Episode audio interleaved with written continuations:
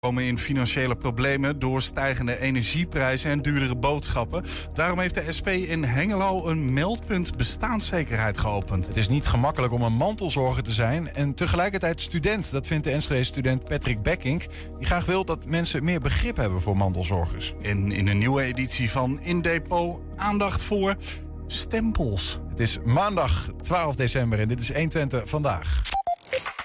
120. 120 vandaag. Het is een pleister tegen de stille armoede achter de voordeuren in Enschede Noord. Bewoners en drie organisaties organiseerden er dit weekend een gratis kerstmarkt. Straks praten we met een van die organisaties over de nood in de wijk. Eerst kijken we met de collega's van RTV Oost mee naar hoe dat afgelopen vrijdag ging.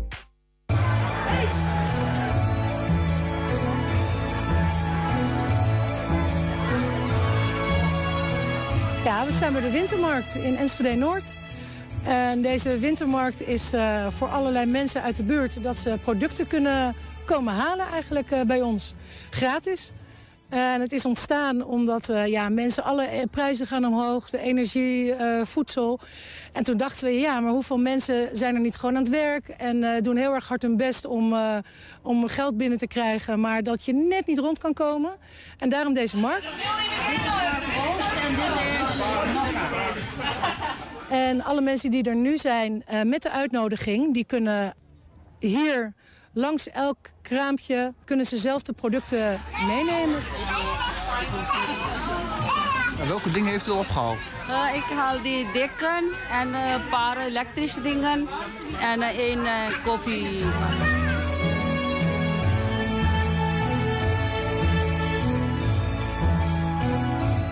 Het initiatief is ontstaan vanuit uh, buurtbewoners en drie organisaties. Power Noord, onderdeel van de gemeente Enschede. Uh, bewonersinitiatief Bijen en Aliva. En twee buurtbewoners die zeiden van ja, eigenlijk hebben mensen gewoon hebben het moeilijk. En dat merken wij. Ik zie dat u bij allemaal lekkere chocolaatjes staat. Is het niet lastig om daar nog even vanaf te blijven? Nee hoor, nee, nee, want uh, ik moet ook aan mijn lijn denken. Dus, Wat ons betreft zeker voor herhaling vatbaar. Ja.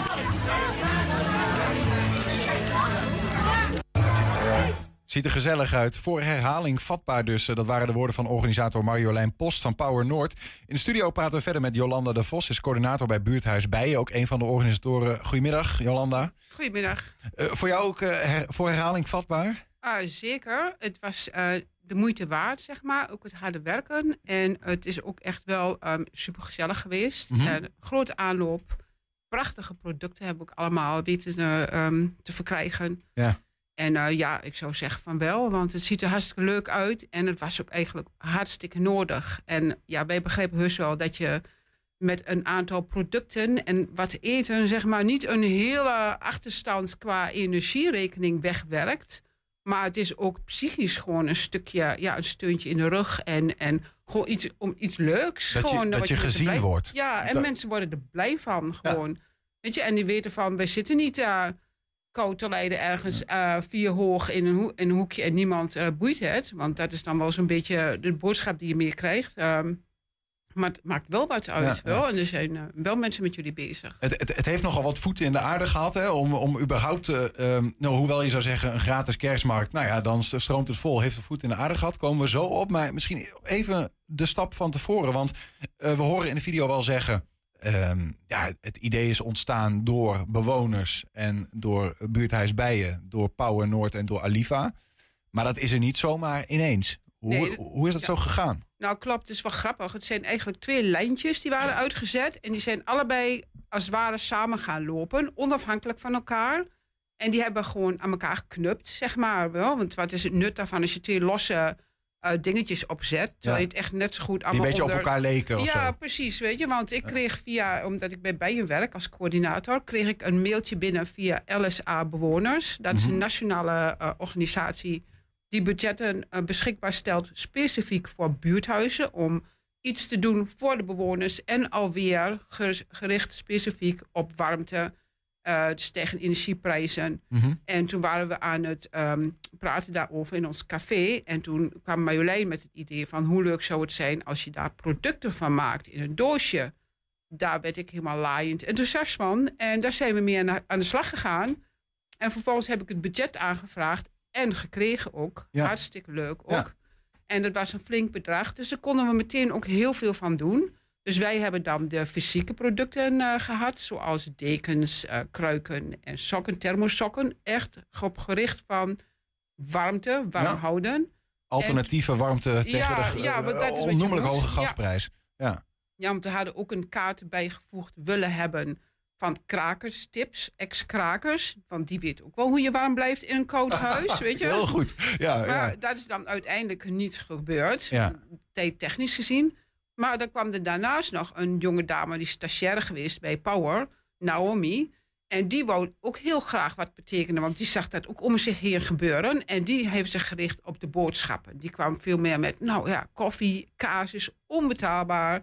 Dat kan ik alleen maar beamen, zeg maar. ja. En die kwam met die producten. En die hebben we allemaal gewoon eigenlijk op een hele grote hoop gegooid. Want zij had een budget aangevraagd en gekregen via initiatiefkracht en wijkbudgetten. Dus dat kon er mooi bij. En dat kon erbij. Ja. En dat heeft Ja. dan ehm, Marijn van eh, Wijkwijzer en Marjolein van Power hebben dat gedeelte aangestuurd. En dat is dan overgeheveld naar het grote pakket. En toen kon ik ja, gaan shoppen eigenlijk. Daar kwam het op neer. En, eh, Ja, want je, je zegt dat en dat- zien wij ook. Hè. Eh, eh, Ook een beetje reclame voor ons eigen onderzoek naar eh, energiearmoede, maar ook naar de stijgende prijzen en de gevolgen daarvan. Dat, die vragenlijst kunnen mensen invullen via 120.nl slash vragenlijst. En daarin zien wij ook dat nou ja, een veel grotere groep dan alleen nog die groep die met energiearmoede te maken heeft, zich zorgen maakt om de stijgende boodschappenprijzen bijvoorbeeld. Ja. Dus ook dat zal zeer welkom zijn bij die doelgroep, denk ik. Ja, precies. Het Ja. is namelijk inderdaad, het, het overstijgt de, de- Mensen zijn al gewend aan de zogenaamde onderlaag van de bevolking. En er worden ook allemaal subsidies wel weer op losgelaten. Daar is wel hulpverlening voor. Eh, weet je, en daar zou je dan uit kunnen komen. Daar staat alles op gericht. Maar dat, dat is al losgelaten, want die groep die breedt zich nu zo erg Ja. uit. En die wordt groter door, zeg maar, die energieprijzen die stijgen. Want la- laten we wel zijn, voor het buurthuis bijvoorbeeld... hadden wij een gas-elektriciteitsrekening van 800 euro. Mhm. Die wordt met ingang van januari 2000. Ja. Dan moeten we op een of andere manier wel weer zien op te brengen. En wij zijn ook maar gewoon een stichting. Kan dat? En nou, dat- nou ehm, we hebben huurders. En ja, dan moeten we in overleg natuurlijk eh een mouw aanpassen. Moet je doorrekenen aan je huurders. Ja, bijvoorbeeld. Maar ook, eh, ja, we weten, die moeten ook nog naar gaan kijken, weet je. En dat wat voor ons geldt, dat geldt ook voor andere buurthuizen, voor kleine ondernemers, voor gezinnen die inderdaad, wat Marjolein al aangaf in het filmpje, Ja. het net kunnen redden, zeg maar. En dan nu niet meer. Want, Maar het, is- eh, het begint een beetje op het verhaal de lammen helpt de blinden te lijken. Ja, Jullie dat- zijn buurthuis eh, en moeten de eindjes ook zelf aan elkaar beginnen te knopen. Ja, dat is altijd al zo geweest eigenlijk. Maar, zijn, maar op zich is een beetje besparing en consuminderen Hm. wel een, een, een positief item, zeg maar. Maar er is ook een grens aan wat je daarin kunt doen, Ja. zeg maar. Als je op een gegeven moment, ook voor de mensen zelf... Is, het is wel, ik had net een gesprek met iemand daarover.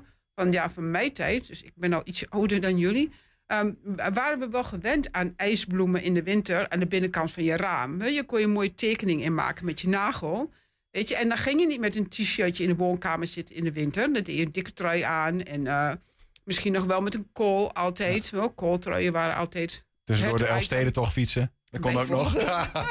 of de Elfsteden toch schaatsen. Ja, ja, zoiets. Ik wil net zeggen, fiets is van Ja, deze ja, ja, sorry. Nee, maar ook echt letterlijk wel. Dat, dat, daar ga je een beetje op aanpassen. Ja. Dus daar snap ik ook wel van dat dat is.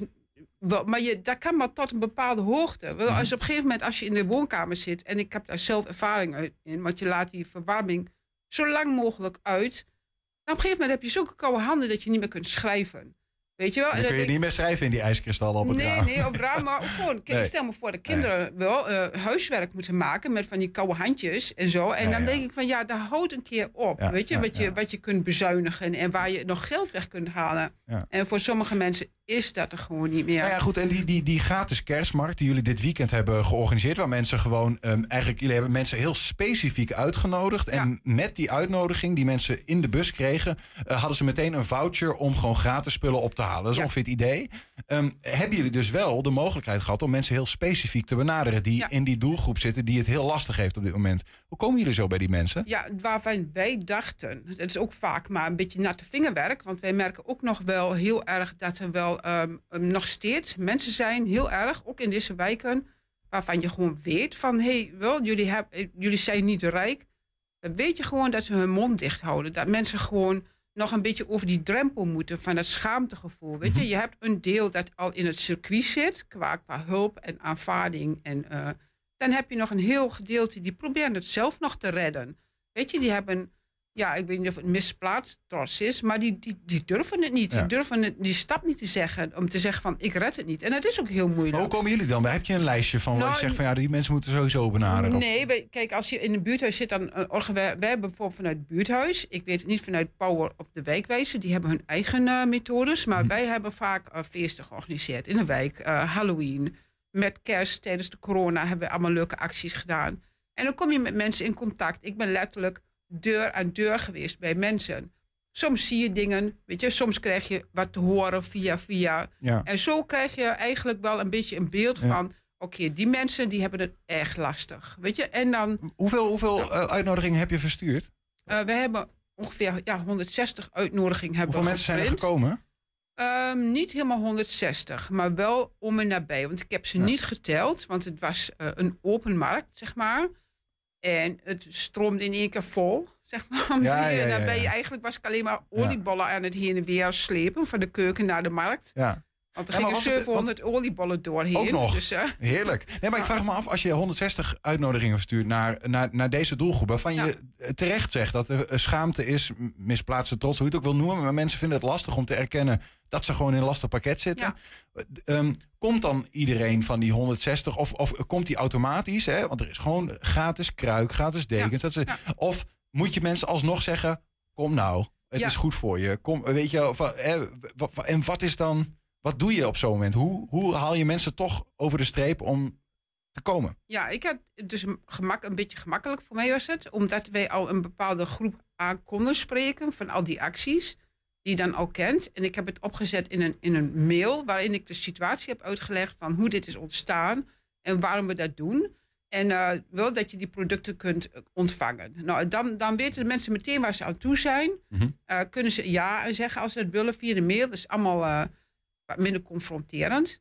Maar bijvoorbeeld, er zijn ook mensen van, van Power en die dame Naomi, die zijn de wijk in gegaan en die hebben bijvoorbeeld specifiek op de flats ehm, zich gericht, gericht om daar eh, mensen aan te spreken en om daar gewoon de flyers Ja. uit te delen. Omdat je dan, dan is het echt gokwerk van hé, hey, die flats, dan weet je gewoon, dat zijn wat lagere huren. ehm, Ja, ja. wel, daar ga je dan Waarschijnlijk vind je daar wel mensen die daar... eh, En dan Ehm, is het zoals, ik geloof dat Marjolein het over, had ge- over, over heeft gehad, maar misschien niet in het filmpje. Het is gewoon gebaseerd op basis van vertrouwen. Dus op een gegeven moment ga je mensen uitnodigen en dan zullen er best wel eens iemand tussen hebben gezeten die het niet nodig had, maar toch heeft gepakt. Maar er waren ook heel veel mensen die Ja. zeiden, oh maar mijn buurvrouw. Ja. Weet je, en die namen nog iemand mee. Denk je dat het uitmaakt dat jullie eh, eh, eh, bij een, eh, heette vroeger een bewonersinitiatief, Ja. dat zijn mensen uit de wijk Ja. die dichterbij staan, dat Ja. mensen toch sneller geneigd zijn, want dat vertrouwen moet ook wederzijds zijn. Hè? Ja, klopt. Dat het uitmaakt dat jullie dat als bewoners doen, in plaats van dat het initiatief vanuit de gemeente is. Ja, absoluut. Daar ben ik voor overtuigd. Dan is de drempel kleiner. En ik merk met name in die wijk ehm, dat er ook nog wel best een beetje ehm, voorzichtigheid is naar de gemeente toe. Gewoon. En dan, wat ik gemerkt heb, dat het ook weer heel veel te maken heeft met de gebeurtenissen van de ramp en de nasleep daarvan. Mensen zijn getraumatiseerd. En dat leeft nog in die wijk. Ja, wantrouwen. eh, Ja, een beetje wantrouwen van, hey, wij voelen ons ehm, aan de kant gezet, zeg maar. En dan, dan werkt dit allemaal ook niet mee. En dan is het handiger inderdaad dat je vanuit de, ehm, ja, een gelijk oogpunt komt. eh, dat, Ehm, misschien leuk, want we hebben nog heel kort, maar we hebben een aantal foto's ook van je gekregen. Van, want jullie zijn, eh, eh, hè, je, zegt vaak wij, maar vanuit buurthuis Bijen. Ja. Eh, we hebben nog met een partij te maken die heet Power Noord. Ja. Zit bij jullie in? Ja, Vertel even beide, wat, wat zijn dat voor partijen? nou, eigenlijk is Power Noord een, een organisatie van de gemeente die zich richt eigenlijk op mensen met afstand tot de arbeidsmarkt. Voor welke reden dan ook. Mhm. En die krijgen hun deelnemers en die zitten in ons pand en voeren daar activiteiten uit. Want ons pand die leent zich daar gewoon Ja. perfect voor. We We hebben wat foto's van die, van die activiteiten. Ja. Misschien kun je, kun je ons even meenemen Ja. in wat dit, wat, nou, wat, wat, waar, waar hoort het bij, zeg maar, de foto's die we zien. Oh, nou, dit is een, van een cursus bloemschikken. Die is opgezet door een vrijwilligster, eh, Ricky heet zij. Eh, die draait al heel lang mee in het vrijwilligerswerk. En ja, die maakt prachtige Kale dingen. Ja, die maakt prachtige dingetjes. Echt, Ja. Die is echt getalenteerd. Maar dat is dan gewoon van bij jezelf. Ja. En dan hebben wij ook... En daar je- komen gewoon bewoners komen naar bij je om daar lekker te bloemen ja, ze, ze, geven zich wel op van tevoren. Ja, wel. ja. En dan qua materiaal moet dat ook. En dat is Ray, onze chefkok. Nou, die doet drie keer per week een heerlijke lunch. eh, voor een heel laag bedrag. Gezond, ehm, gevarieerd. Zo kom je ook met die mensen in aanraking precies, die je later weer uitnodigt voor zo'n kerstmarkt. Bijvoorbeeld. Ja. Ja. die zijn ook allemaal uitgenodigd. En s s'avonds heeft hij dan op maandagavond een restaurantervaring. En er zijn vaak wat oudere mensen die dan ook voor de gezelligheid en de aanspraak daar restaurantervaring komen opdoen. Ja, ja. Nou, weet je, op zo'n manier bouw je ook gewoon mensen op. Dat is weer een stukje bouwer. Eh, die heeft de geef- en neemtafel, ook zo'n leuk initiatief. Dan brengen mensen spullen. En die worden gewoon op de tafel gezet. En één à twee keer in de week kunnen ze gewoon bij je binnenlopen en spullen ruilen, meenemen. Het is gratis. Ik heb mijn schoenen, heel eerlijk gezegd, die ik nu aan heb, daar ook weg. Voor de luisteraar, we zien een tafel met allemaal kleding erop Ja. en schoenen eronder. En die zijn dus gebracht door mensen, worden ook gehaald door anderen. Wat knutselwerk zien we hier nog, dat wordt gezamenlijk gedaan. Ik zag nog, eh, misschien kunnen we daar nog heel even naartoe. We twee eh, interessante wezens eh, op foto's, namelijk eh, kabouters. Oh ja, ja dat is Eh, heel leuk. Ja. Wat is dit? Als ik dat snel even kan vertellen. Er zijn Ja. in het Amelikbos kabouters geweest. En die zijn toen kapot getrapt door vandalen. Toen heeft wijk, de wijkbudgetten, of hoe heet het, Deppenbroek, wijk, Deppenbroek heeft allemaal nieuwe kabou- kabouters ingezameld. Bij mij gebracht, want die waren, zagen er niet meer uit. En of ik ze een nieuw jasje wilde geven. En daaruit voortgevloeid hebben we er een project van gemaakt... dat buurtbewoners dus ke- eh, kabouters kunnen schilderen. Ja. eh, kunnen plaatsen in hun eigen raam. eh, en dan kunnen we daar straks, als het allemaal mogelijk wordt... een, een, een looproute aan koppelen. Kijk. Dus er is iets heel leuks uit Ja. voortgekomen uit het vandalisme. Zeg, ik- als ik dit zo zie, hè, dan komen de mensen bij jullie eh, om nou, lekker te vreubelen. eh, Maar ondertussen gaat het ook echt over serieuze zaken. Heb je ook, eh, heb, krijg je ze in beeld als ze problemen hebben, dat soort dingen? Ja, uiteraard. Tot ondertussen hoor ik jou in het begin van het gesprek, om dit gesprek af te ronden, hoor ik jou zeggen dat ook jullie eigen toko wel een beetje ehm, nou ja, onder druk staat. Hè? Je moet een energierekening gaan betalen die op dit moment nog niet per se betaalbaar is voor jullie. Nee, we hebben een hele bende ehm, huurders. Dus er, zijn, er zit ook een inkomen aangekoppeld natuurlijk. Maar ja, wij zijn ook inderdaad vaak afhankelijk van subsidies. Van, eh, wij, kijk, op zich doen wij alles zonder subsidie. Daar zijn we ook heel trots op. Wij kunnen onszelf bedruipen. Maar soms hebben we inderdaad investeringen van bijvoorbeeld zoiets als initiatiefkracht. Als het dan bijvoorbeeld gaat om de vervanging van een plafond. Ja. Of een nieuwe keuken. Of de vloer is opnieuw gelegd. Nou, Ja. daar heb je initiatiefkracht. Maar wat is wat je oproepen dan, eh, Jolanda? Want je zit hier nu Eh, van- eh, oh, aan, nou ja, aan, aan, aan wie eigenlijk? Aan mensen, aan bedrijven, aan de gemeente? Van wie, wie zou nou jullie in het zadel moeten houden als, als het nodig is? Het tweeledig. We willen graag vanuit de buurt vrijwilligers. Want zoals alle organisaties kampen met een schrikbarend tekort aan vrijwilligers. Dan wordt het heel zwaar om zo'n... um, um, ja, het is eigenlijk bijna een klein bedrijf om dat omhoog te houden, zeg Ja, maar. ja. Dus vrijwilligers, vrijwilligers, vrijwilligers. Mhm. En dan vanuit de overheid zou ja, een structurele um, subsidie ook fijn zijn, zodat we dan misschien op bepaalde plekken uh, parttime mensen kunnen inhuren die ook de boel draaiende houden, zodat je daar een beetje structuur in Ja. krijgt en vastigheid en veiligheid. Dan kun je ook al die andere organisaties ook weer beter ondersteunen. Dat is eigenlijk dan een Du- ja, du- duidelijk. Ja. Dankjewel dat je even hier wilde aanschuiven om te vertellen wat jullie doen. Maar ook eh, over dat initiatief van afgelopen weekend, eh, de gratis kerstmarkt. En eh, nou ja, dat er nog veel van dat soort initiatieven mogen volgen. Jolanda de Vos, dankjewel. Alsjeblieft, dankjewel. Even tussendoor. Ja, want we gaan hem weer doen. De 120 Top 1000. Luister van 27 tot en met 30 december naar de 1000 favoriete platen van de Tukkers. Ook jouw persoonlijke top 10 muzieknummers alle tijden, die horen we graag. Hè? Stem maar dit kan nog tot en met aankomende zondag. Doe dat via 120.nl slash top 1000. En zometeen hoor je steeds meer mensen komen in financiële problemen door stijgende energieprijzen en duurdere boodschappen. Daarom heeft de SP in Hengelo daar een meldpunt bestaanszekerheid geopend. 120. 120 vandaag. De meeste mensen zullen zich wel twee of drie keer bedenken voordat ze vrijwillig buiten in de vrieskou gaan slapen. Maar voor veel daklozen is dit dagelijkse realiteit. Zij hebben de keuze niet en onder het mom van één nacht in de kou om warmte te creëren voor iemand anders sliepen zes Hengeloers afgelopen weekend. Een nachtje in het Prins Bernhard plantsoen. De opbrengsten gaat naar Shelter Suit Foundation die speciale warme jassen maakt voor de daklozen.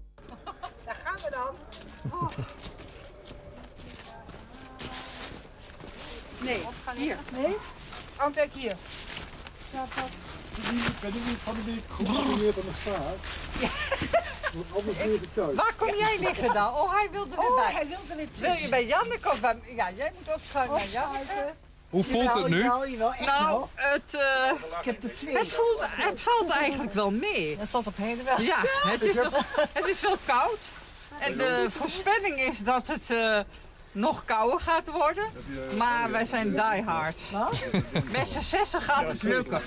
Gaat zeker lukken. Ja, en, en, en waarom doen jullie dit eigenlijk? Wij doen het om... ehm, er zijn in Nederland 40.000 eh, daklozen. En die hebben iedere avond moeten ze nadenken... kan ik in de opvang, is er een plek of moet ik buiten slapen? En ook zij moeten buiten slapen als het vriest. En wij willen ons heel graag inzetten om voor de daklozen in Nederland... maar wereldwijd shelter shoots te organiseren. En daar doen we een crowdfunding actie voor...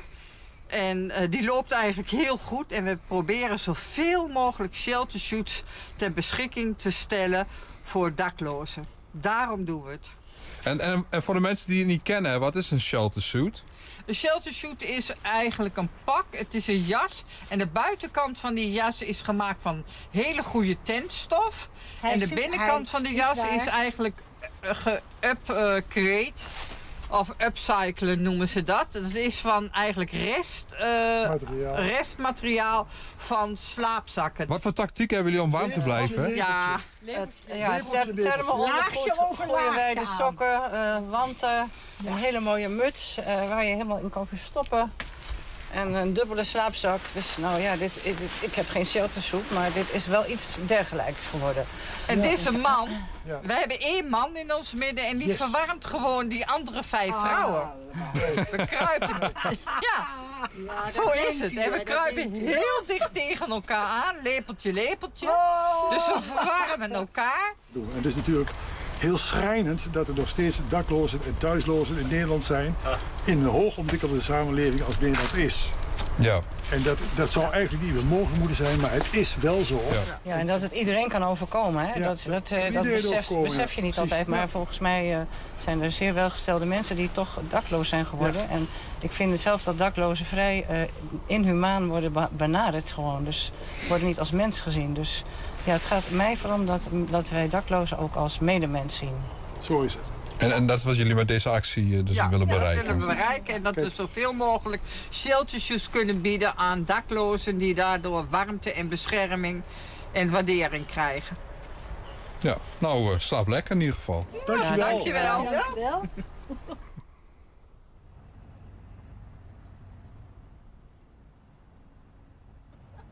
Dus eh, jullie hebben op zich wel goed geslapen? Ja. Ja. Het Ja, weet je, je bent goed. niet in zo'n diepe slaap als, eh, eh, als je thuis bent.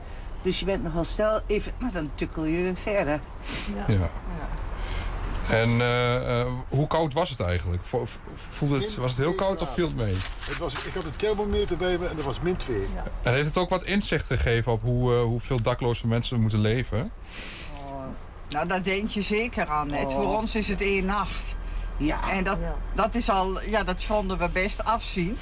Eh, en als je dan Nou. bedenkt dat, dat er mensen zijn, daklozen, die iedere dag maar moeten afwachten of ze wel of niet ergens binnen kunnen slapen in de opvang en, of al elders. En dan ja, daar continu mee geconfronteerd worden, dat is natuurlijk Maar je verschrikkelijk. hebt geen tijd om iets anders te doen. Je bent gewoon aan het overleven. Ik vind het heel vermakelijk. Ja, het ziet er ook Ehm, best wel knus en gezellig uit, hè? Het is, het is een, een serieuze zaak natuurlijk, maar gewoon, eh, dat is eh, toch leuk om naar te kijken hoe dan eh, zes mensen, zes, vijf, daar op een rij liggen en zo geïnterviewd worden. Ja. Zou jij doen met min 2? Ehm, eh, zo een slapen. ja. bedoel je? Ja, ja, ja. ja nee, ik, ik, op zich is dat, zou dat best wel een aardige ervaring zijn een keer, toch? Ja. Lijkt mij ook. 120. 120 vandaag. Ook in Hengelo komen steeds meer mensen in financiële problemen door stijgende energieprijzen en duurdere boodschappen. De Hengeloze afdeling van de SP heeft nu een meldpunt bestaanszekerheid geopend. Aan de telefoon Vincent Mulder, raadslid voor de partij in de Hengeloze gemeenteraad. Vincent, goedemiddag. Goedemiddag Niels. Ehm, de SP opent een meldpunt, maar de, de gemeente heeft toch ook een loket daarvoor? Jazeker. dat is ook zo. Ehm, dus met andere woorden, wij willen niet eh, dubbel gaan doen wat de gemeente ook doet. Maar we merken wel dat heel veel mensen ehm, in hun contact soms met de gemeente, want het gaat over de aanvraag of ze, of ze toeslag kunnen krijgen op de energiekosten. Eh, soms gaat het over de WMO, de, de hulp die ze kunnen krijgen thuis. Dat kan zijn bij eh, thuishulp, maar dat kan ook zijn bij voorzieningen als een traplift thuis of, of allerlei hulpmiddelen. Eh, dat ze bij de gemeente terecht kunnen en daar te woord worden gestaan of in ieder geval reactie kunnen krijgen of krijgen. Ehm, ja, waar ze eigenlijk zichzelf bij in de kou gezet voelen, letterlijk en figuurlijk soms. En dan, ehm, ehm, dan heeft de gemeente inderdaad zo'n eh, klachtenmogelijkheid of een, eh, je kunt bezwaar aandienen tegen, tegen de beschikking. Maar dat is een, een vrij formeel ge- gebeuren. En wij merken dat heel veel mensen eigenlijk eh, ja, een beetje murf geslagen worden door een eerste reactie van de gemeente. En dan ehm, eigenlijk ook graag ehm, ja, hulp willen. En dat is niet meteen hulp van mensen die zeggen van oh, oké, dat gaan we voor jullie regelen. Maar wel hulp in de zin van dat ze gehoord willen worden van wat hun posi- eh, precieze positie is. Ja. En dat is vaak een multi-probleem. In de zin van het gaat niet alleen maar om die hoge energierekening, maar het gaat ook nog om het feit dat ja, mensen bijvoorbeeld eh, reumatische klachten hebben. Ehm, eh, de, de, de, de, de douche al heel koud zetten.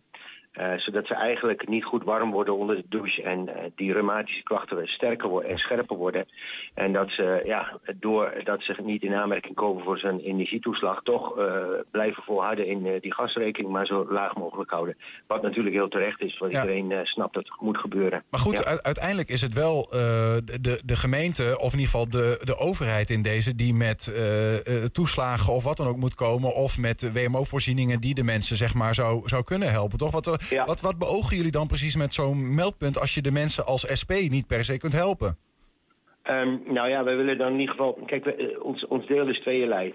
We willen luisteren naar de mensen wat hun eh, klachten precies zijn, hoe zij zijn behandeld en of zij in hun recht staan of niet eh, bij de aanvraag die ze hebben gedaan. En heel vaak is dat wel zo. Want heel veel regelingen die de gemeente heeft gemaakt zijn ook heel erg houtje touwtje. Dat is niet de gemeente alleen maar aan te rekenen. Dat is ook omdat het heel snel moest. Hè. Die energiecrisis die kwam vrij snel. Allerlei noodmaatregelen, noodverbanden moesten worden aangelegd. Ja. Eh, er werden allerlei grenzen getrokken. Dus in de regelingen en in de verordeningen zijn er ook altijd leemtes. Dat wil zeggen, mm, als je de gemeente Hengelo vraagt van ja, iemand die iets meer verdient dan 120% van het sociaal minimum, kan die toch nog eh, recht krijgen op eh, die toelage van eh, 800 eh, of 1300 euro.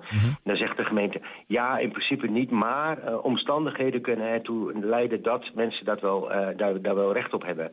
Dus al die mazen en die, die, die muizengaatjes die er in die regelingen zitten.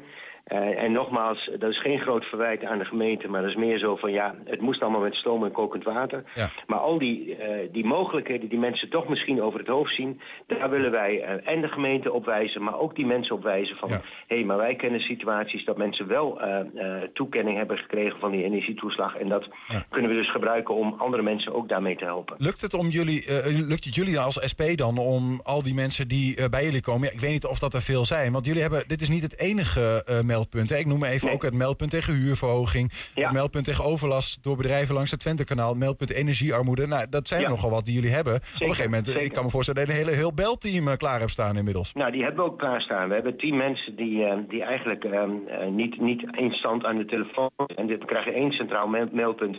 En die, die zorgt dat mensen van het, van het hulpteam... dat die die mensen weer terugbellen... en dat hun, hun, hun melding dus genoteerd wordt. En dat we ze ook van adviezen kunnen geven. Ehm, het tweede doel is dat wij ehm, ja, een soort ehm, zwart boek maken... van dingen die echt misgaan. En die zijn er. Er zijn mensen die eh, een aanvraag doen, eh, antwoord krijgen, te laat antwoord krijgen. En dan staat er in die beantwoording van ja, u moet binnen drie dagen na, na u, dit antwoord moet u bezwaar maken. En op het moment dat ze het antwoord krijgen is die datum al verstreken. Dus dan, moeten ze, ja, dan, worden ze eigenlijk eh, in hun onrecht gesteld. Nou, dat soort zaken willen we ook in een soort zwart boek eh, naar voren brengen. Zodat de gemeente daar haar voordeel mee kan doen en de regeling kan verbeteren. En kan zorgen dat meer mensen binnen de boot in plaats van buiten de boot vallen. Ja. Eh, tegelijkertijd vind ik ook iets geks in zitten, Vincent. Omdat je een soort van meldpunt maakt die parallel loopt aan, aan nou, wat de overheid kan doen. En tegelijkertijd zien mensen jullie natuurlijk ook gewoon als overheid. Hè? Dat we wel wezen. SP heeft ook lange tijd in de Hengeloze colleges meegedraaid bijvoorbeeld. Eh, ja, maar dan eh, nog, Dan, dan nog was er altijd de scheiding. Kijk, ook toen hadden we meldpunten. Ook al zat eh, iemand van ons in het college. Kijk, wij zijn niet, ehm, eh, als we in het college zouden zitten, dat alles goed zou zijn. Er gaan heel veel dingen mis. Ook met een SP eventueel in het college. Maar eh, we zitten daar nu niet in. Dus we willen alle mensen de mogelijkheid geven om eh, hun klachten ten aanzien van de overheid, om die eh, naar voren te brengen. Dan kunnen wij kijken of we ze kunnen verder helpen. En of we die klacht eh, samen met anderen gebundeld naar de gemeente kunnen brengen, zodat de gemeente zich kan verbeteren. Dat is de bedoeling. Als we het even hebben over, want je noemt hè, mensen die bij jullie komen, die kun je misschien wijzen op regelingen die er zijn waar ze eh, nou, aanspraak op kunnen maken. Ehm, bijvoorbeeld een van die regelingen, kijk, er is landelijk natuurlijk is er energietoeslag gegeven aan huishoudens, ook aan, aan minima, mensen die tot 120% van het minimumloon hebben, zeg maar. Ehm, eh, in Hengelo is er ook nog eens een lokale energietoeslag voor eenmalig 800 euro, geloof ik, voor mensen die daar niet onder vallen. Klopt, hè? Ja. En, maar nou begrijp ik wel dat bijvoorbeeld de PvdA ook al vragen heeft gesteld in Hengelo... omdat ze zien dat het aantal aanvragen voor dat soort toeslagen achterblijft. Hoe, hoe kan dat, denk je? Nou ja, dat is, ja eh, dat is een goede vraag. En ik denk dat dat ook de kern is van waarom wij dat meldpunt starten. Heel veel mensen zien door de bomen het bos niet meer. Eh, die regelingen die staan weliswaar op de website van de gemeente, maar die zijn moeilijk doorgrondelijk. Dat is ambtenarentaal. Ehm, dan is ook nog eens een keer de situatie heel ingewikkeld. Want je moet soms aantonen wat je energierekening was. En die energierekening die kan in oktober eh, 150 euro zijn geweest. En in november kan die 190 of 210 euro zijn geweest. Dus wat moet je aangeven als, als bewijslast aan de gemeente? De, hè, de energieprijzen fluctueren heel sterk. Ze gaan heel sterk omhoog. Dus wat moet je nou precies aanleveren? En soms gebeurt dat eh, op zo'n manier dat mensen ook niet weten wat ze moeten aanleveren. En dan is de gemeente niet tevreden en die zegt nee, uw, uw aanvraag is afgewezen. Terwijl de mensen eigenlijk niet snapten wat ze precies moesten inleveren. Dus in die zin willen wij ook een soort eh, vangnet vormen voor die mensen die in de knel komen, omdat ze informatie gewoon simpelweg niet krijgen of niet tot zich hebben gekregen. Ja, ja. Analfabetisme is nog steeds een groot probleem. Er zijn heel veel ouderen die hebben geen eh, toegang tot websites, helaas. Maar dat is wel eh, eh, de werkelijkheid. Dus wij willen ook die mensen via een telefoonnummer eh, eh, met een melding naar ons krijgen, zodat wij ze verder kunnen helpen. Zou hier, maar zit hier een, een sticker op van dit is een, een SP-initiatief? In die zin wel bijvoorbeeld, de PVV in Hengelo heeft op 5 oktober een motie ingediend om een meldpunt energiearmoede op te richten. Dat zou de gemeente dan moeten faciliteren. Is eh, nog niet uitgevoerd, die motie. Dus het is lastig blijkbaar om dat van de grond te krijgen. Ehm, eh, Daarom doen we het zelf. Ja, precies. Maar, maar, de- maar door, de, door er een SP-initiatief van te maken, maak je misschien ook wel weer politiek. Dat mensen denken van ja, nee, ik ben, ik ben niet per se een SP'er of wat dan ook. Nee, nee maar goed, wij gaan niet aan mensen vragen van eh, welke, welke politieke gezindheid zij hebben of waar ze eventueel op zouden willen stemmen. Absoluut niet. Eh, wij zijn open voor eh, mensen van alle, alle gezinten en alle politieke kleuren. Wij willen alleen zorgen dat mensen die er recht op hebben, dat die ook werkelijk geholpen worden. En als er leemtes zijn, dus groepen van mensen die ons melden dat zij niet geholpen worden, dan kunnen wij daar ook politieke actie op, op zetten. Via een motie of via een amendement of via een, een, een, eh, het aanspreken van een wethouder. Om te zorgen dat die mensen of die groepen wel eh, geholpen worden. Duidelijk. Op welke manier kunnen mensen jullie bereiken? Of in dit geval het meldpunt bestaanszekerheid van de SP in Hengelo? Ja, dat kan via een e-mailadres voor degenen die digitaal onderlegd zijn, hengelo.sp.nl. Maar als je wilt bellen, dat is ook heel goed mogelijk, 074 242 1042. Dus 074 eh 24 21 042. 242 1042. We schrijven mee. Vincent Mulder, dankjewel en succes met het meldpunt. Niels, bedankt. Dag. Zometeen, het is niet makkelijk om een mantelzorger te zijn naast het zijn van een student, vindt de Enschedeze student Patrick Beckink. Hij wil graag dat mensen meer begrip hebben voor mantelzorgers. En we zijn ook als podcast te vinden. Alle bekende platforms. Je vindt elke dag één item geknipt en uitgelicht op die platforms. 120 vandaag uitgelicht, zo heet het. 8 uur. 120. 120 vandaag. Vroeg of laat krijgt bijna iedereen ermee te maken. Mantelzorg. Je wordt mantelzorger of je hebt zelf mantelzorg nodig. Patrick Becking die draagt vanaf zijn negentiende de zorg over zijn moeder. Daarnaast is hij student op Hogeschool Saxion in Enschede. Hij probeert die twee zo goed mogelijk te combineren... maar dat dubbelleven is niet altijd even gemakkelijk. Toch, Patrick? Welkom. Ja, dankjewel. Ja, Dank je. Leuk dat je er bent. Ja, want dat, dat, dat, ge- dat geef je eigenlijk aan, hè? Van ja, dit is soms best wel een ingewikkelde struggle. Ja, klopt. Dat is echt, eh, want naast het leven van een student heb je ook nog iemand eh, waarvan je moet zorgen. En dat is best wel, ja, soms chaotisch. In mijn ogen is het best wel voor mijzelf wel chaotisch en mentaal is het wel vermoeiend. Maar vertel even voor mensen die dat niet weten. Het begrip mantelzorg. Dat betekent dat je zorgt voor iemand in je nabije omgeving. Ja, dat is echt vooral, eh, tenminste in mijn perspectief heb ik dat zeg maar, ik zorg voor mijn moeder daarnaast omdat niemand anders voor haar kan zorgen. En bij andere mantelzorgers zeg maar ook van moeders, vaders, andere familieleden of, of een, eh, iets dergelijks. Ja. Dus dat vooral. Maar waarom moet jij dat doen? Waarom is het niet gewoon... eh, ja, we leven toch in, een, in Nederland? Kan, eh, ja, Ja, dat klopt. Dat komt vooral omdat mijn broers en zussen wonen in Indonesië. Ik ben zeg maar haar enige kind hier in Nederland, dus wat- waarvoor ik voor haar moet zorgen. Ja. En daarnaast krijgen we ook niet echt hulp van de gemeente. Ja, maar dat bedoel ik vooral. Hè. Eh, eh, we leven dus niet in een land waarin jouw moeder standaard eh, zorg krijgt vanuit eh, de staat, om het zo te zeggen. Ja, nee, we hadden het wel een keer aangevraagd. En toen zeiden ze van dat, dat ik wel gewoon voor haar kon zorgen. Ik eh, was een beetje daar pissig, natuurlijk. En, want ik kan wel alle hulp gebruiken. En daarna, toen ik eigenlijk ook een jaartje op mezelf ging wonen, eh, kreeg ze wel hulp omdat ik er dan niet was. Maar toen ben ik terug verhuisd om wel oogje op haar te houden. Ja. En dan Was, wordt, wordt, jou, wordt het weer door jou overgenomen. Ja, precies. Interessant. En is er dan, eh, want eh, hey, we, we begonnen te zeggen, jij studeert ook aan Saxion. Ehm, Krijg je dan eh, in die zin helemaal niks? Of krijg je nog wel dat je op school wat gecompenseerd wordt? Of dat je nog, omdat je geen bijbaan kunt hebben bijvoorbeeld, dat je daar nog wat in krijgt? Of, Nou, bijbaan zou ik niet zeggen, want ik werk ook nog daarnaast. Dat is Ook nog? Ja, ja. Ehm, nee, ik werk daarnaast en daarna... Zit je nog gewoon de, eh, uurtjes op de bank met de beentjes omhoog of eh, zit dat er niet in? Nee. nee, dat is, nee, daarnaast werk ik gewoon als een schoenenverkoper, dus ik moet wel heen en weer Ja, ja. gaan lopen. Maar ehm, als het zeg maar, voor mijn hoofd was het wel best wel chaotisch, omdat ik dan zeg maar eh, scholier ben en mijn moeder moest zorgen en ook nog moest werken. Mhm. En daarnaast heb ik een mantelzorggroep in Saxion, wat heel fijn vind, voor me, wat ik heel fijn vind. Andere studenten? Andere studenten. Die ook mantelzorger zijn. Ja, die ook mantelzorger zijn. Eh, want zij kunnen mij begrijpen en ik kan hun begrijpen. Dus we helpen elkaar. Ja. Dus dat is het verhaal. Wat heel fijn is. Wat, wat moeten wij van jou begrijpen? Neem ons even mee. Want, want je, je, jij- zegt ook in een interview met Saxion, zeg je van, eh, eh, ja, weet je, er mag wel meer begrip komen. Ehm, vertel ons wat wij moeten begrijpen van jouw situatie, zeg maar. En dat het niet altijd even makkelijk is om bijvoorbeeld opdrachten of te gaan leren voor een tentamen. Of een eh, assessment in te leveren. En dat het ook wel heel vermoeiend is en mentaal ja, gesloopt wordt. Omdat je ook nog voor anderen moet zorgen. Ehm, daarnaast kan je ook niet elke keer op school zijn. Dus als je je zeg maar heel vermoeiend voelt, dan lukt het gewoon niet. Ja.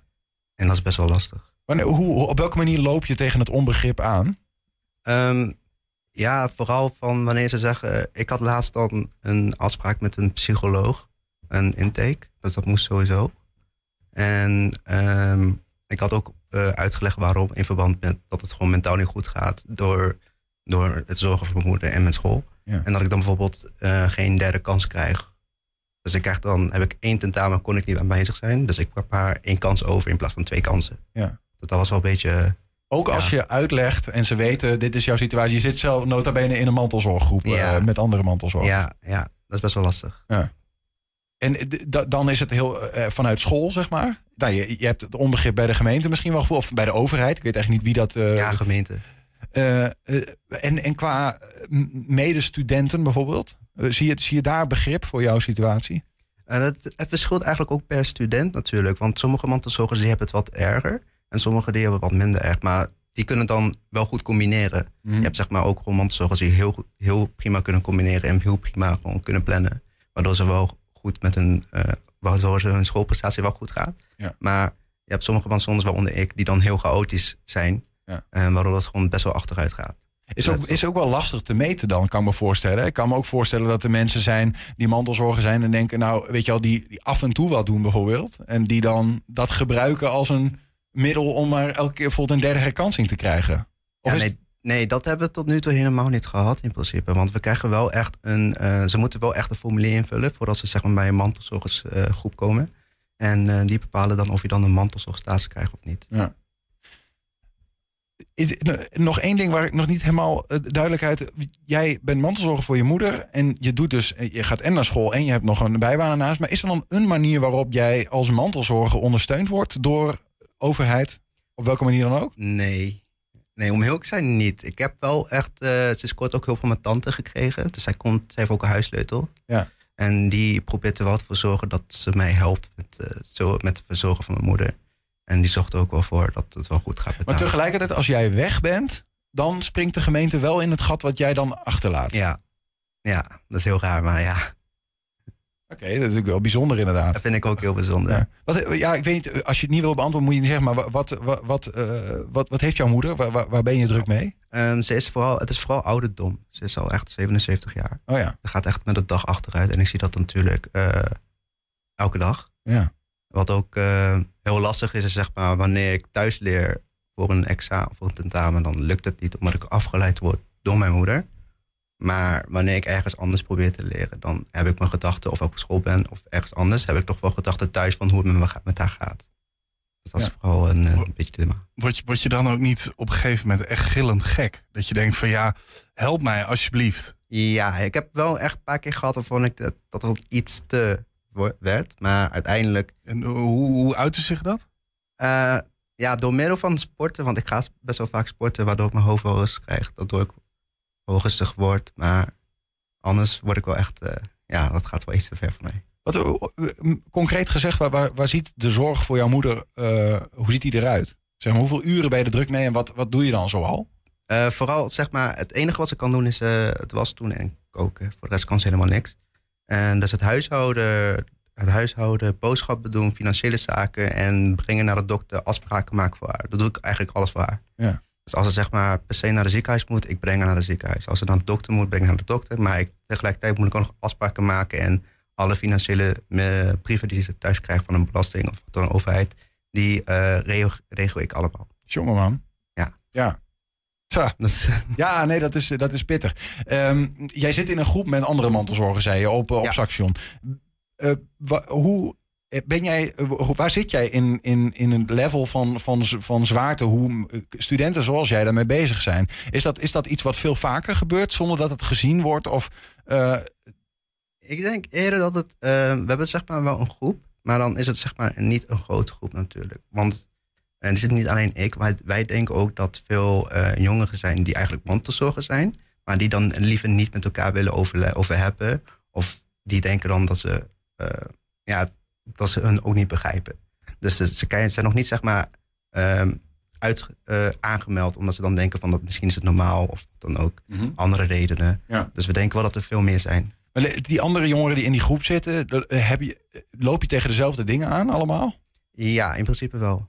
Ze moeten allemaal hun familieleden verz- verzorgen en helpen. En, eh, eh, ja, maar ook, ook, ook als het gaat om bijvoorbeeld hè, jullie studie, dat soort dingen. Eh, ja, ik neem aan dat je dat dan ook wel eens te bedden brengt. Ook bij Saxion. Van Ja. wat, wat zeggen Ja. ze dan? Ehm, ja, zij gaan er wel achterna, want de groep, de, want zeg maar de groepen die ik heb, die zijn heel fijn. Die gaan, die gaan echt met begrip om. Dus ze gaan wel echt achterna. Bijvoorbeeld laatst had- een, had een medestudent zeg maar gezegd van, dat ze bijvoorbeeld geen extra tijd had bij een tentamen maken, terwijl ze wel uh, mantelzorgstatus hadden. Maar dat de, exa dat in één keer iets van de examencommissie zei van dat ze niet de extra tijd zou krijgen. Hm. Dat, en dat vond ze heel raar en heeft ze achteraan gezeten. En daar hebben we ook over gehad. Ja. En het is gelukt om, Nou, daar iets hoor- uit te halen. Nee, dat, dat, eh, dat hoor ik eigenlijk eh, woensdag. Want ik Ja. eh, zie woensdag hun weer. Dus ik hoor ook woensdag Ja. of het geluk is of niet. Ja, het is toch, lijkt me ook- weet je hoeveel mensen, de- weet je dat, eh, hoeveel mensen zijn mantelzorgen? Dat zijn er best wel heel veel, Dat toch? zijn er heel veel, maar Dus- ik denk dat het veel meer zijn. Dus heel- ja, maar precies. Nou, want dat zijn de mensen die bekend zijn. Maar je, en eh, je, wanneer ben je mantelzorger? Dan ben je al vrij gauw. Hè, als je voor iemand zorgt in je omgeving. De ene keer is dat zwaarder dan de andere. Maar het zal toch bekend zijn bij, neem ik aan, scholen. om op een of andere manier iemand tegemoet te komen in een lastige situatie. Ja, het is natuurlijk lastig hoe de student eh, daarover wilt hebben. Want toen ik 19 was en ik verzocht eh, en ik help, eh, hielp mijn moeder al de hele tijd. Ik dacht dat het gewoon normaal was. Misschien denken ze ook dat ze normaal zijn. Of ze willen gewoon niet over hebben. Dat kan ook natuurlijk. Als jij het nou voor het zeggen zou hebben, hè, wa- wa- wat, zou je van wie eigenlijk willen in jouw situatie? Hoe bedoel je? Nou ja, wat wil je? Wat- hoe zou jouw leven er ma- gemakkelijker uitzien als, als, de, als de mogelijkheden te over waren? En dan heb ik het over vragen, wat wil je van school? Maar wat wil je misschien ook van de overheid of van je medemensen of wat dan ook? Wat, eigenlijk om van, de, van, van iedereen eigenlijk meer, ja, inderdaad meer begrip. Dat ze mij snappen hoe het gewoon lastig is om een soort van twee, dubbellevens te hebben. Ja. En van, ja, van de gemeente vooral hulp. Eigenlijk. Maar het staat ook niet op jouw voorhoofd, hè? Nee, ik zorg voor mijn moeder en dat kost me zoveel eh, uren per week, zeg maar. Dat is lastig. Nee, dat is ook inderdaad lastig. En met plannen is het ook heel lastig. Het is ook gewoon chaotisch. Mijn hoofd is ook echt chaotisch. Ja. Nou, ik vind dat je het goed uitlegt, hoor, zoals je hier zit. Ja. ja. Ehm, tot slot dan misschien, eh, Patrick. Mensen die, ehm, zoals jij... wa- Wanneer kreeg je ermee te maken eigenlijk? Wanneer ging je mantelzorgen? Wanneer werd je mantelzorger? Eh, toen ik in de MBO zat, ik was 19 jaar. En toen begon het al een beetje zeg maar, achteruit te gaan. Ehm, ik dacht altijd dat altijd natuurlijk dan normaal was. En, maar langzamerhand werd het wel veel en veel meer klussen doen thuis. Ik dacht gewoon af en toe huishouden, dat is niet erg. Maar toen op een gegeven moment eh, moest ik elke dag hu- huishouden doen en boodschappen doen. En in één keer ging, kwam alles op mij terecht. En ik dacht dat het gewoon normaal was. En het was zo, toen ging mijn mentaal sowieso achteruit. Ook echt gewoon met de dag achteruit. En ik was ook depressief aan het worden. Omdat het gewoon te veel werd op zo'n op zo'n leeftijd. Ja. En daar had ik ook een schoolpsycholoog over gehad. En daarmee kreeg ik ook nog hulp, van externe hulp. En dat ging nog een beetje. En ja, toen probeerde ik gewoon te combineren. Dacht ik, ja, ik ga het gewoon combineren met wat ik heb. En hopelijk heb ik mijn diploma gehaald. Of behaal ik mijn diploma. En eh, ik heb Dat is gelukkig- gelukt. Ja, dat is geluk. Ja. En BO-diploma heb ik wel gehaald, dat is gelukt. precies. Ja. En, en nu eh, HBO erachteraan. Welk jaar zit je? Nu derde jaar. Derde jaar. Dus dat, dat gaat ook nog. Dat gaat. Ik heb nu wel een vertraging, maar dat vind ik helemaal niet erg eigenlijk. Ja. Hoe gaat het mentaal? Eh, kan beter. Kan beter. Ja, kan beter. Ja, snap ik, man. Ehm, eh, mensen die, die, die zoals jij, hè, want je bent nu 27. Ja, dus je bent acht jaar hak je al met dit bijltje. En dat bijltje wordt misschien wel steeds zwaarder. Ja. Maar er zijn mensen die zoals jij ook 19 zijn en die zien nee, dit. Wat, wat heb je geleerd in die afgelopen tijd? Wat je, wat je zou willen meegeven aan jonge mantelzorgers? Nou, als het echt te veel wordt, eh, zoek gewoon hulp. Ga er met mensen over hebben. Ik denk wel dat, dat mensen misschien jou niet begrijpen, maar als je zeg maar over praat, dat het wel wat beetje, ja, dat het een beetje opgelucht gaat worden natuurlijk. Dat het, eh, en ja, eigenlijk vooral, het is eigenlijk vooral over hebben. Dat Dus helpt. natuurlijk, ja, dat helpt op zich wel. Ja, dus niet voor jezelf houden, niet voor Nee, schamen. niet voor- nee. Niet denken, ik, ben, eh, ik wil niet zielig gevonden worden. Nee, want in het begin dacht ik ook al van, ik schaam me een beetje. Maar uiteindelijk, het is, het is en blijft, zeg maar, je familielid. In dit geval mijn moeder. En het is juist heel knap als je voor iemand kan zorgen. En, dan- en daarnaast kan het gaan studeren. Ja. Dus ik zou gewoon trots op zijn als je voor iemand zorgt. Maar het is toch natuurlijk wel lastig. Maar gewoon over hebben. En dan komt hij hier aan tafel ook nog even op voor, eh, voor zichzelf en voor andere mantelzorgers. Ik vind het heel goed, eh, Patrick. Dankjewel dat je even bij ons wilde vertellen over hoe dat eh, voor jou eh, Ja, werkt en hoe dat soms niet werkt. Patrick Becking, dankjewel. Jullie ook bedankt. Stu- succes. Dank u. Heb je een tip voor de redactie? Mail dat dan via info.120.nl 120. 120 vandaag.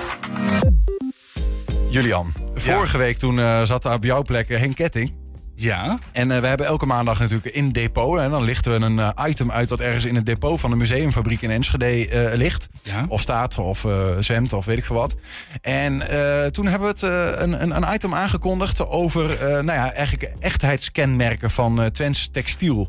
Over hoe Stempels. dat, eh, ja, stempels en over hoe dat dan ja. nou ja, herkend zou kunnen, kunnen worden vroeger. Als dat dan, hè, bijvoorbeeld een soort catalogus. Ja. En we kondigden dat aan en toen kwam er een video. En ehm, die video ging over eh, maar dan voor, over, om vliegtuigen heen. Eh, mag jij eh, twee keer raden of dat de juiste video was? Eh, nee. In één keer goed, denk ik. Nee, klopt. Dus, maar dit keer hebben we wel de juiste video. En het gaat dus nogmaals over stempels. Eigenlijk een soort van ja, echtheidskenmerken die textieltukkers vroeger gebru- gebruikten om te bewijzen dat hun textiel hun textiel was.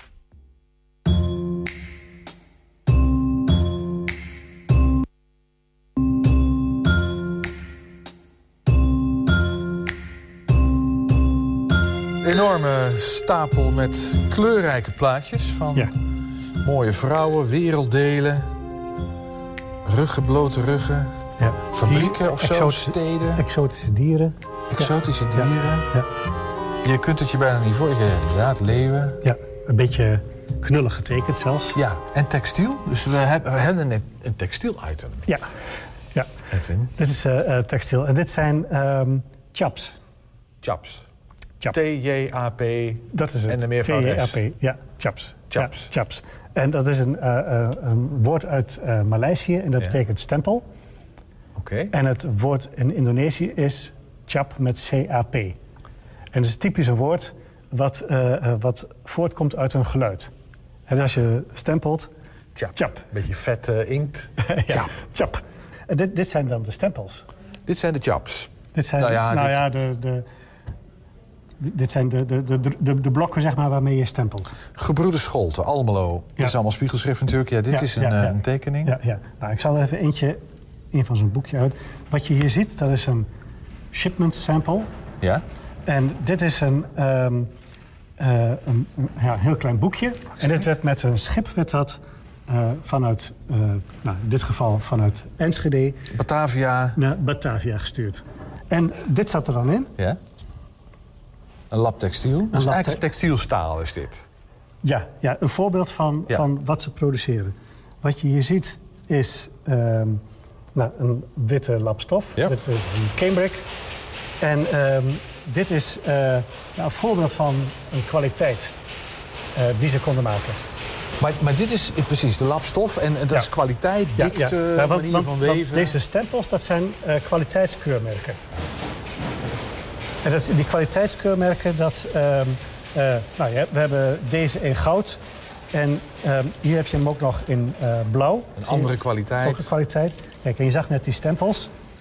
Kijk, dat zijn, dat zijn deze dingen. Dus die werd hier opgestempeld. Precies. En de oorsprong is inderdaad van dat eh, eh, alle fabrieken die textiel produceren, ehm, die deponeerden eh, nou, een, voorbeeld van een kwaliteit wat ze konden weven. En dan heb je een, een soort garen, de sterkte, de, de dikte van de binding. Dat deponeerden ze en dat gaven ze een keurmerk. Ja, als het ware, ehm, ja, wat is zo'n hedendaags voorbeeld? Nou, als je bij een benzinepomp komt, dan heb je soms dan kan je gewoon benzine tanken. Ja. Maar je hebt ook iets wat van het bedrijf zelf is. Ja, ja, ja, Hè, ja. Zo'n kwaliteitskeurmerk. Nou, dat, dat heeft een speciale naam. Nou, dat werd hier gedaan.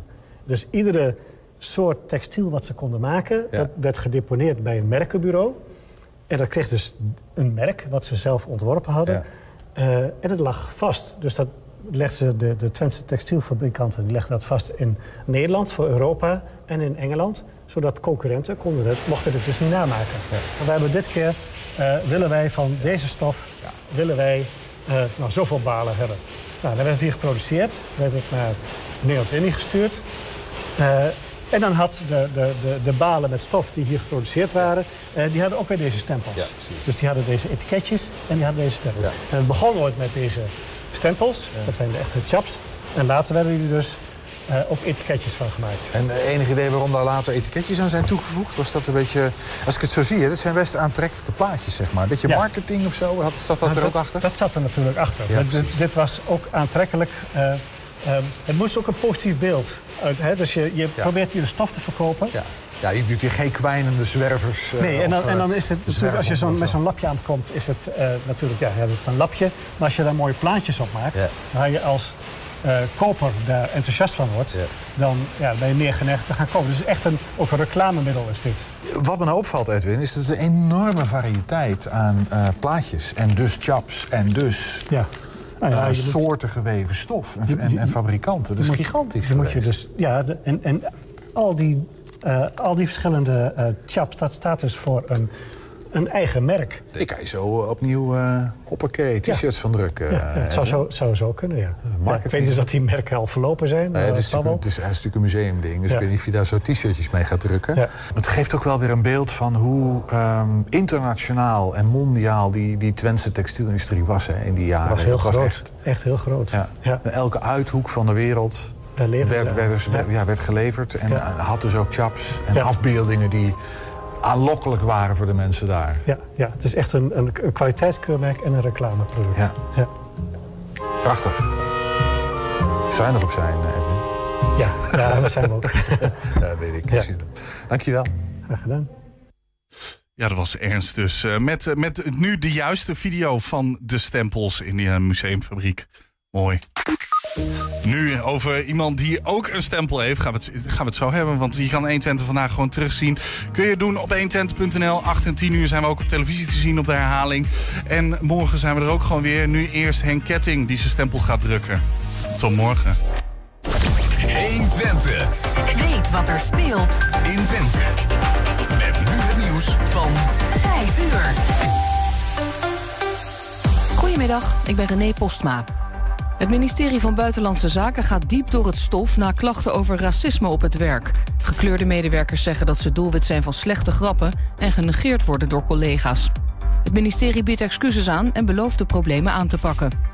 Pepijn van Houwelingen van Forum voor Democratie wordt misschien vervolgd... voor een bewerkte foto van de ministers Kuipers en Van Gennep. Het leek alsof ze een nazi-vlag hezen.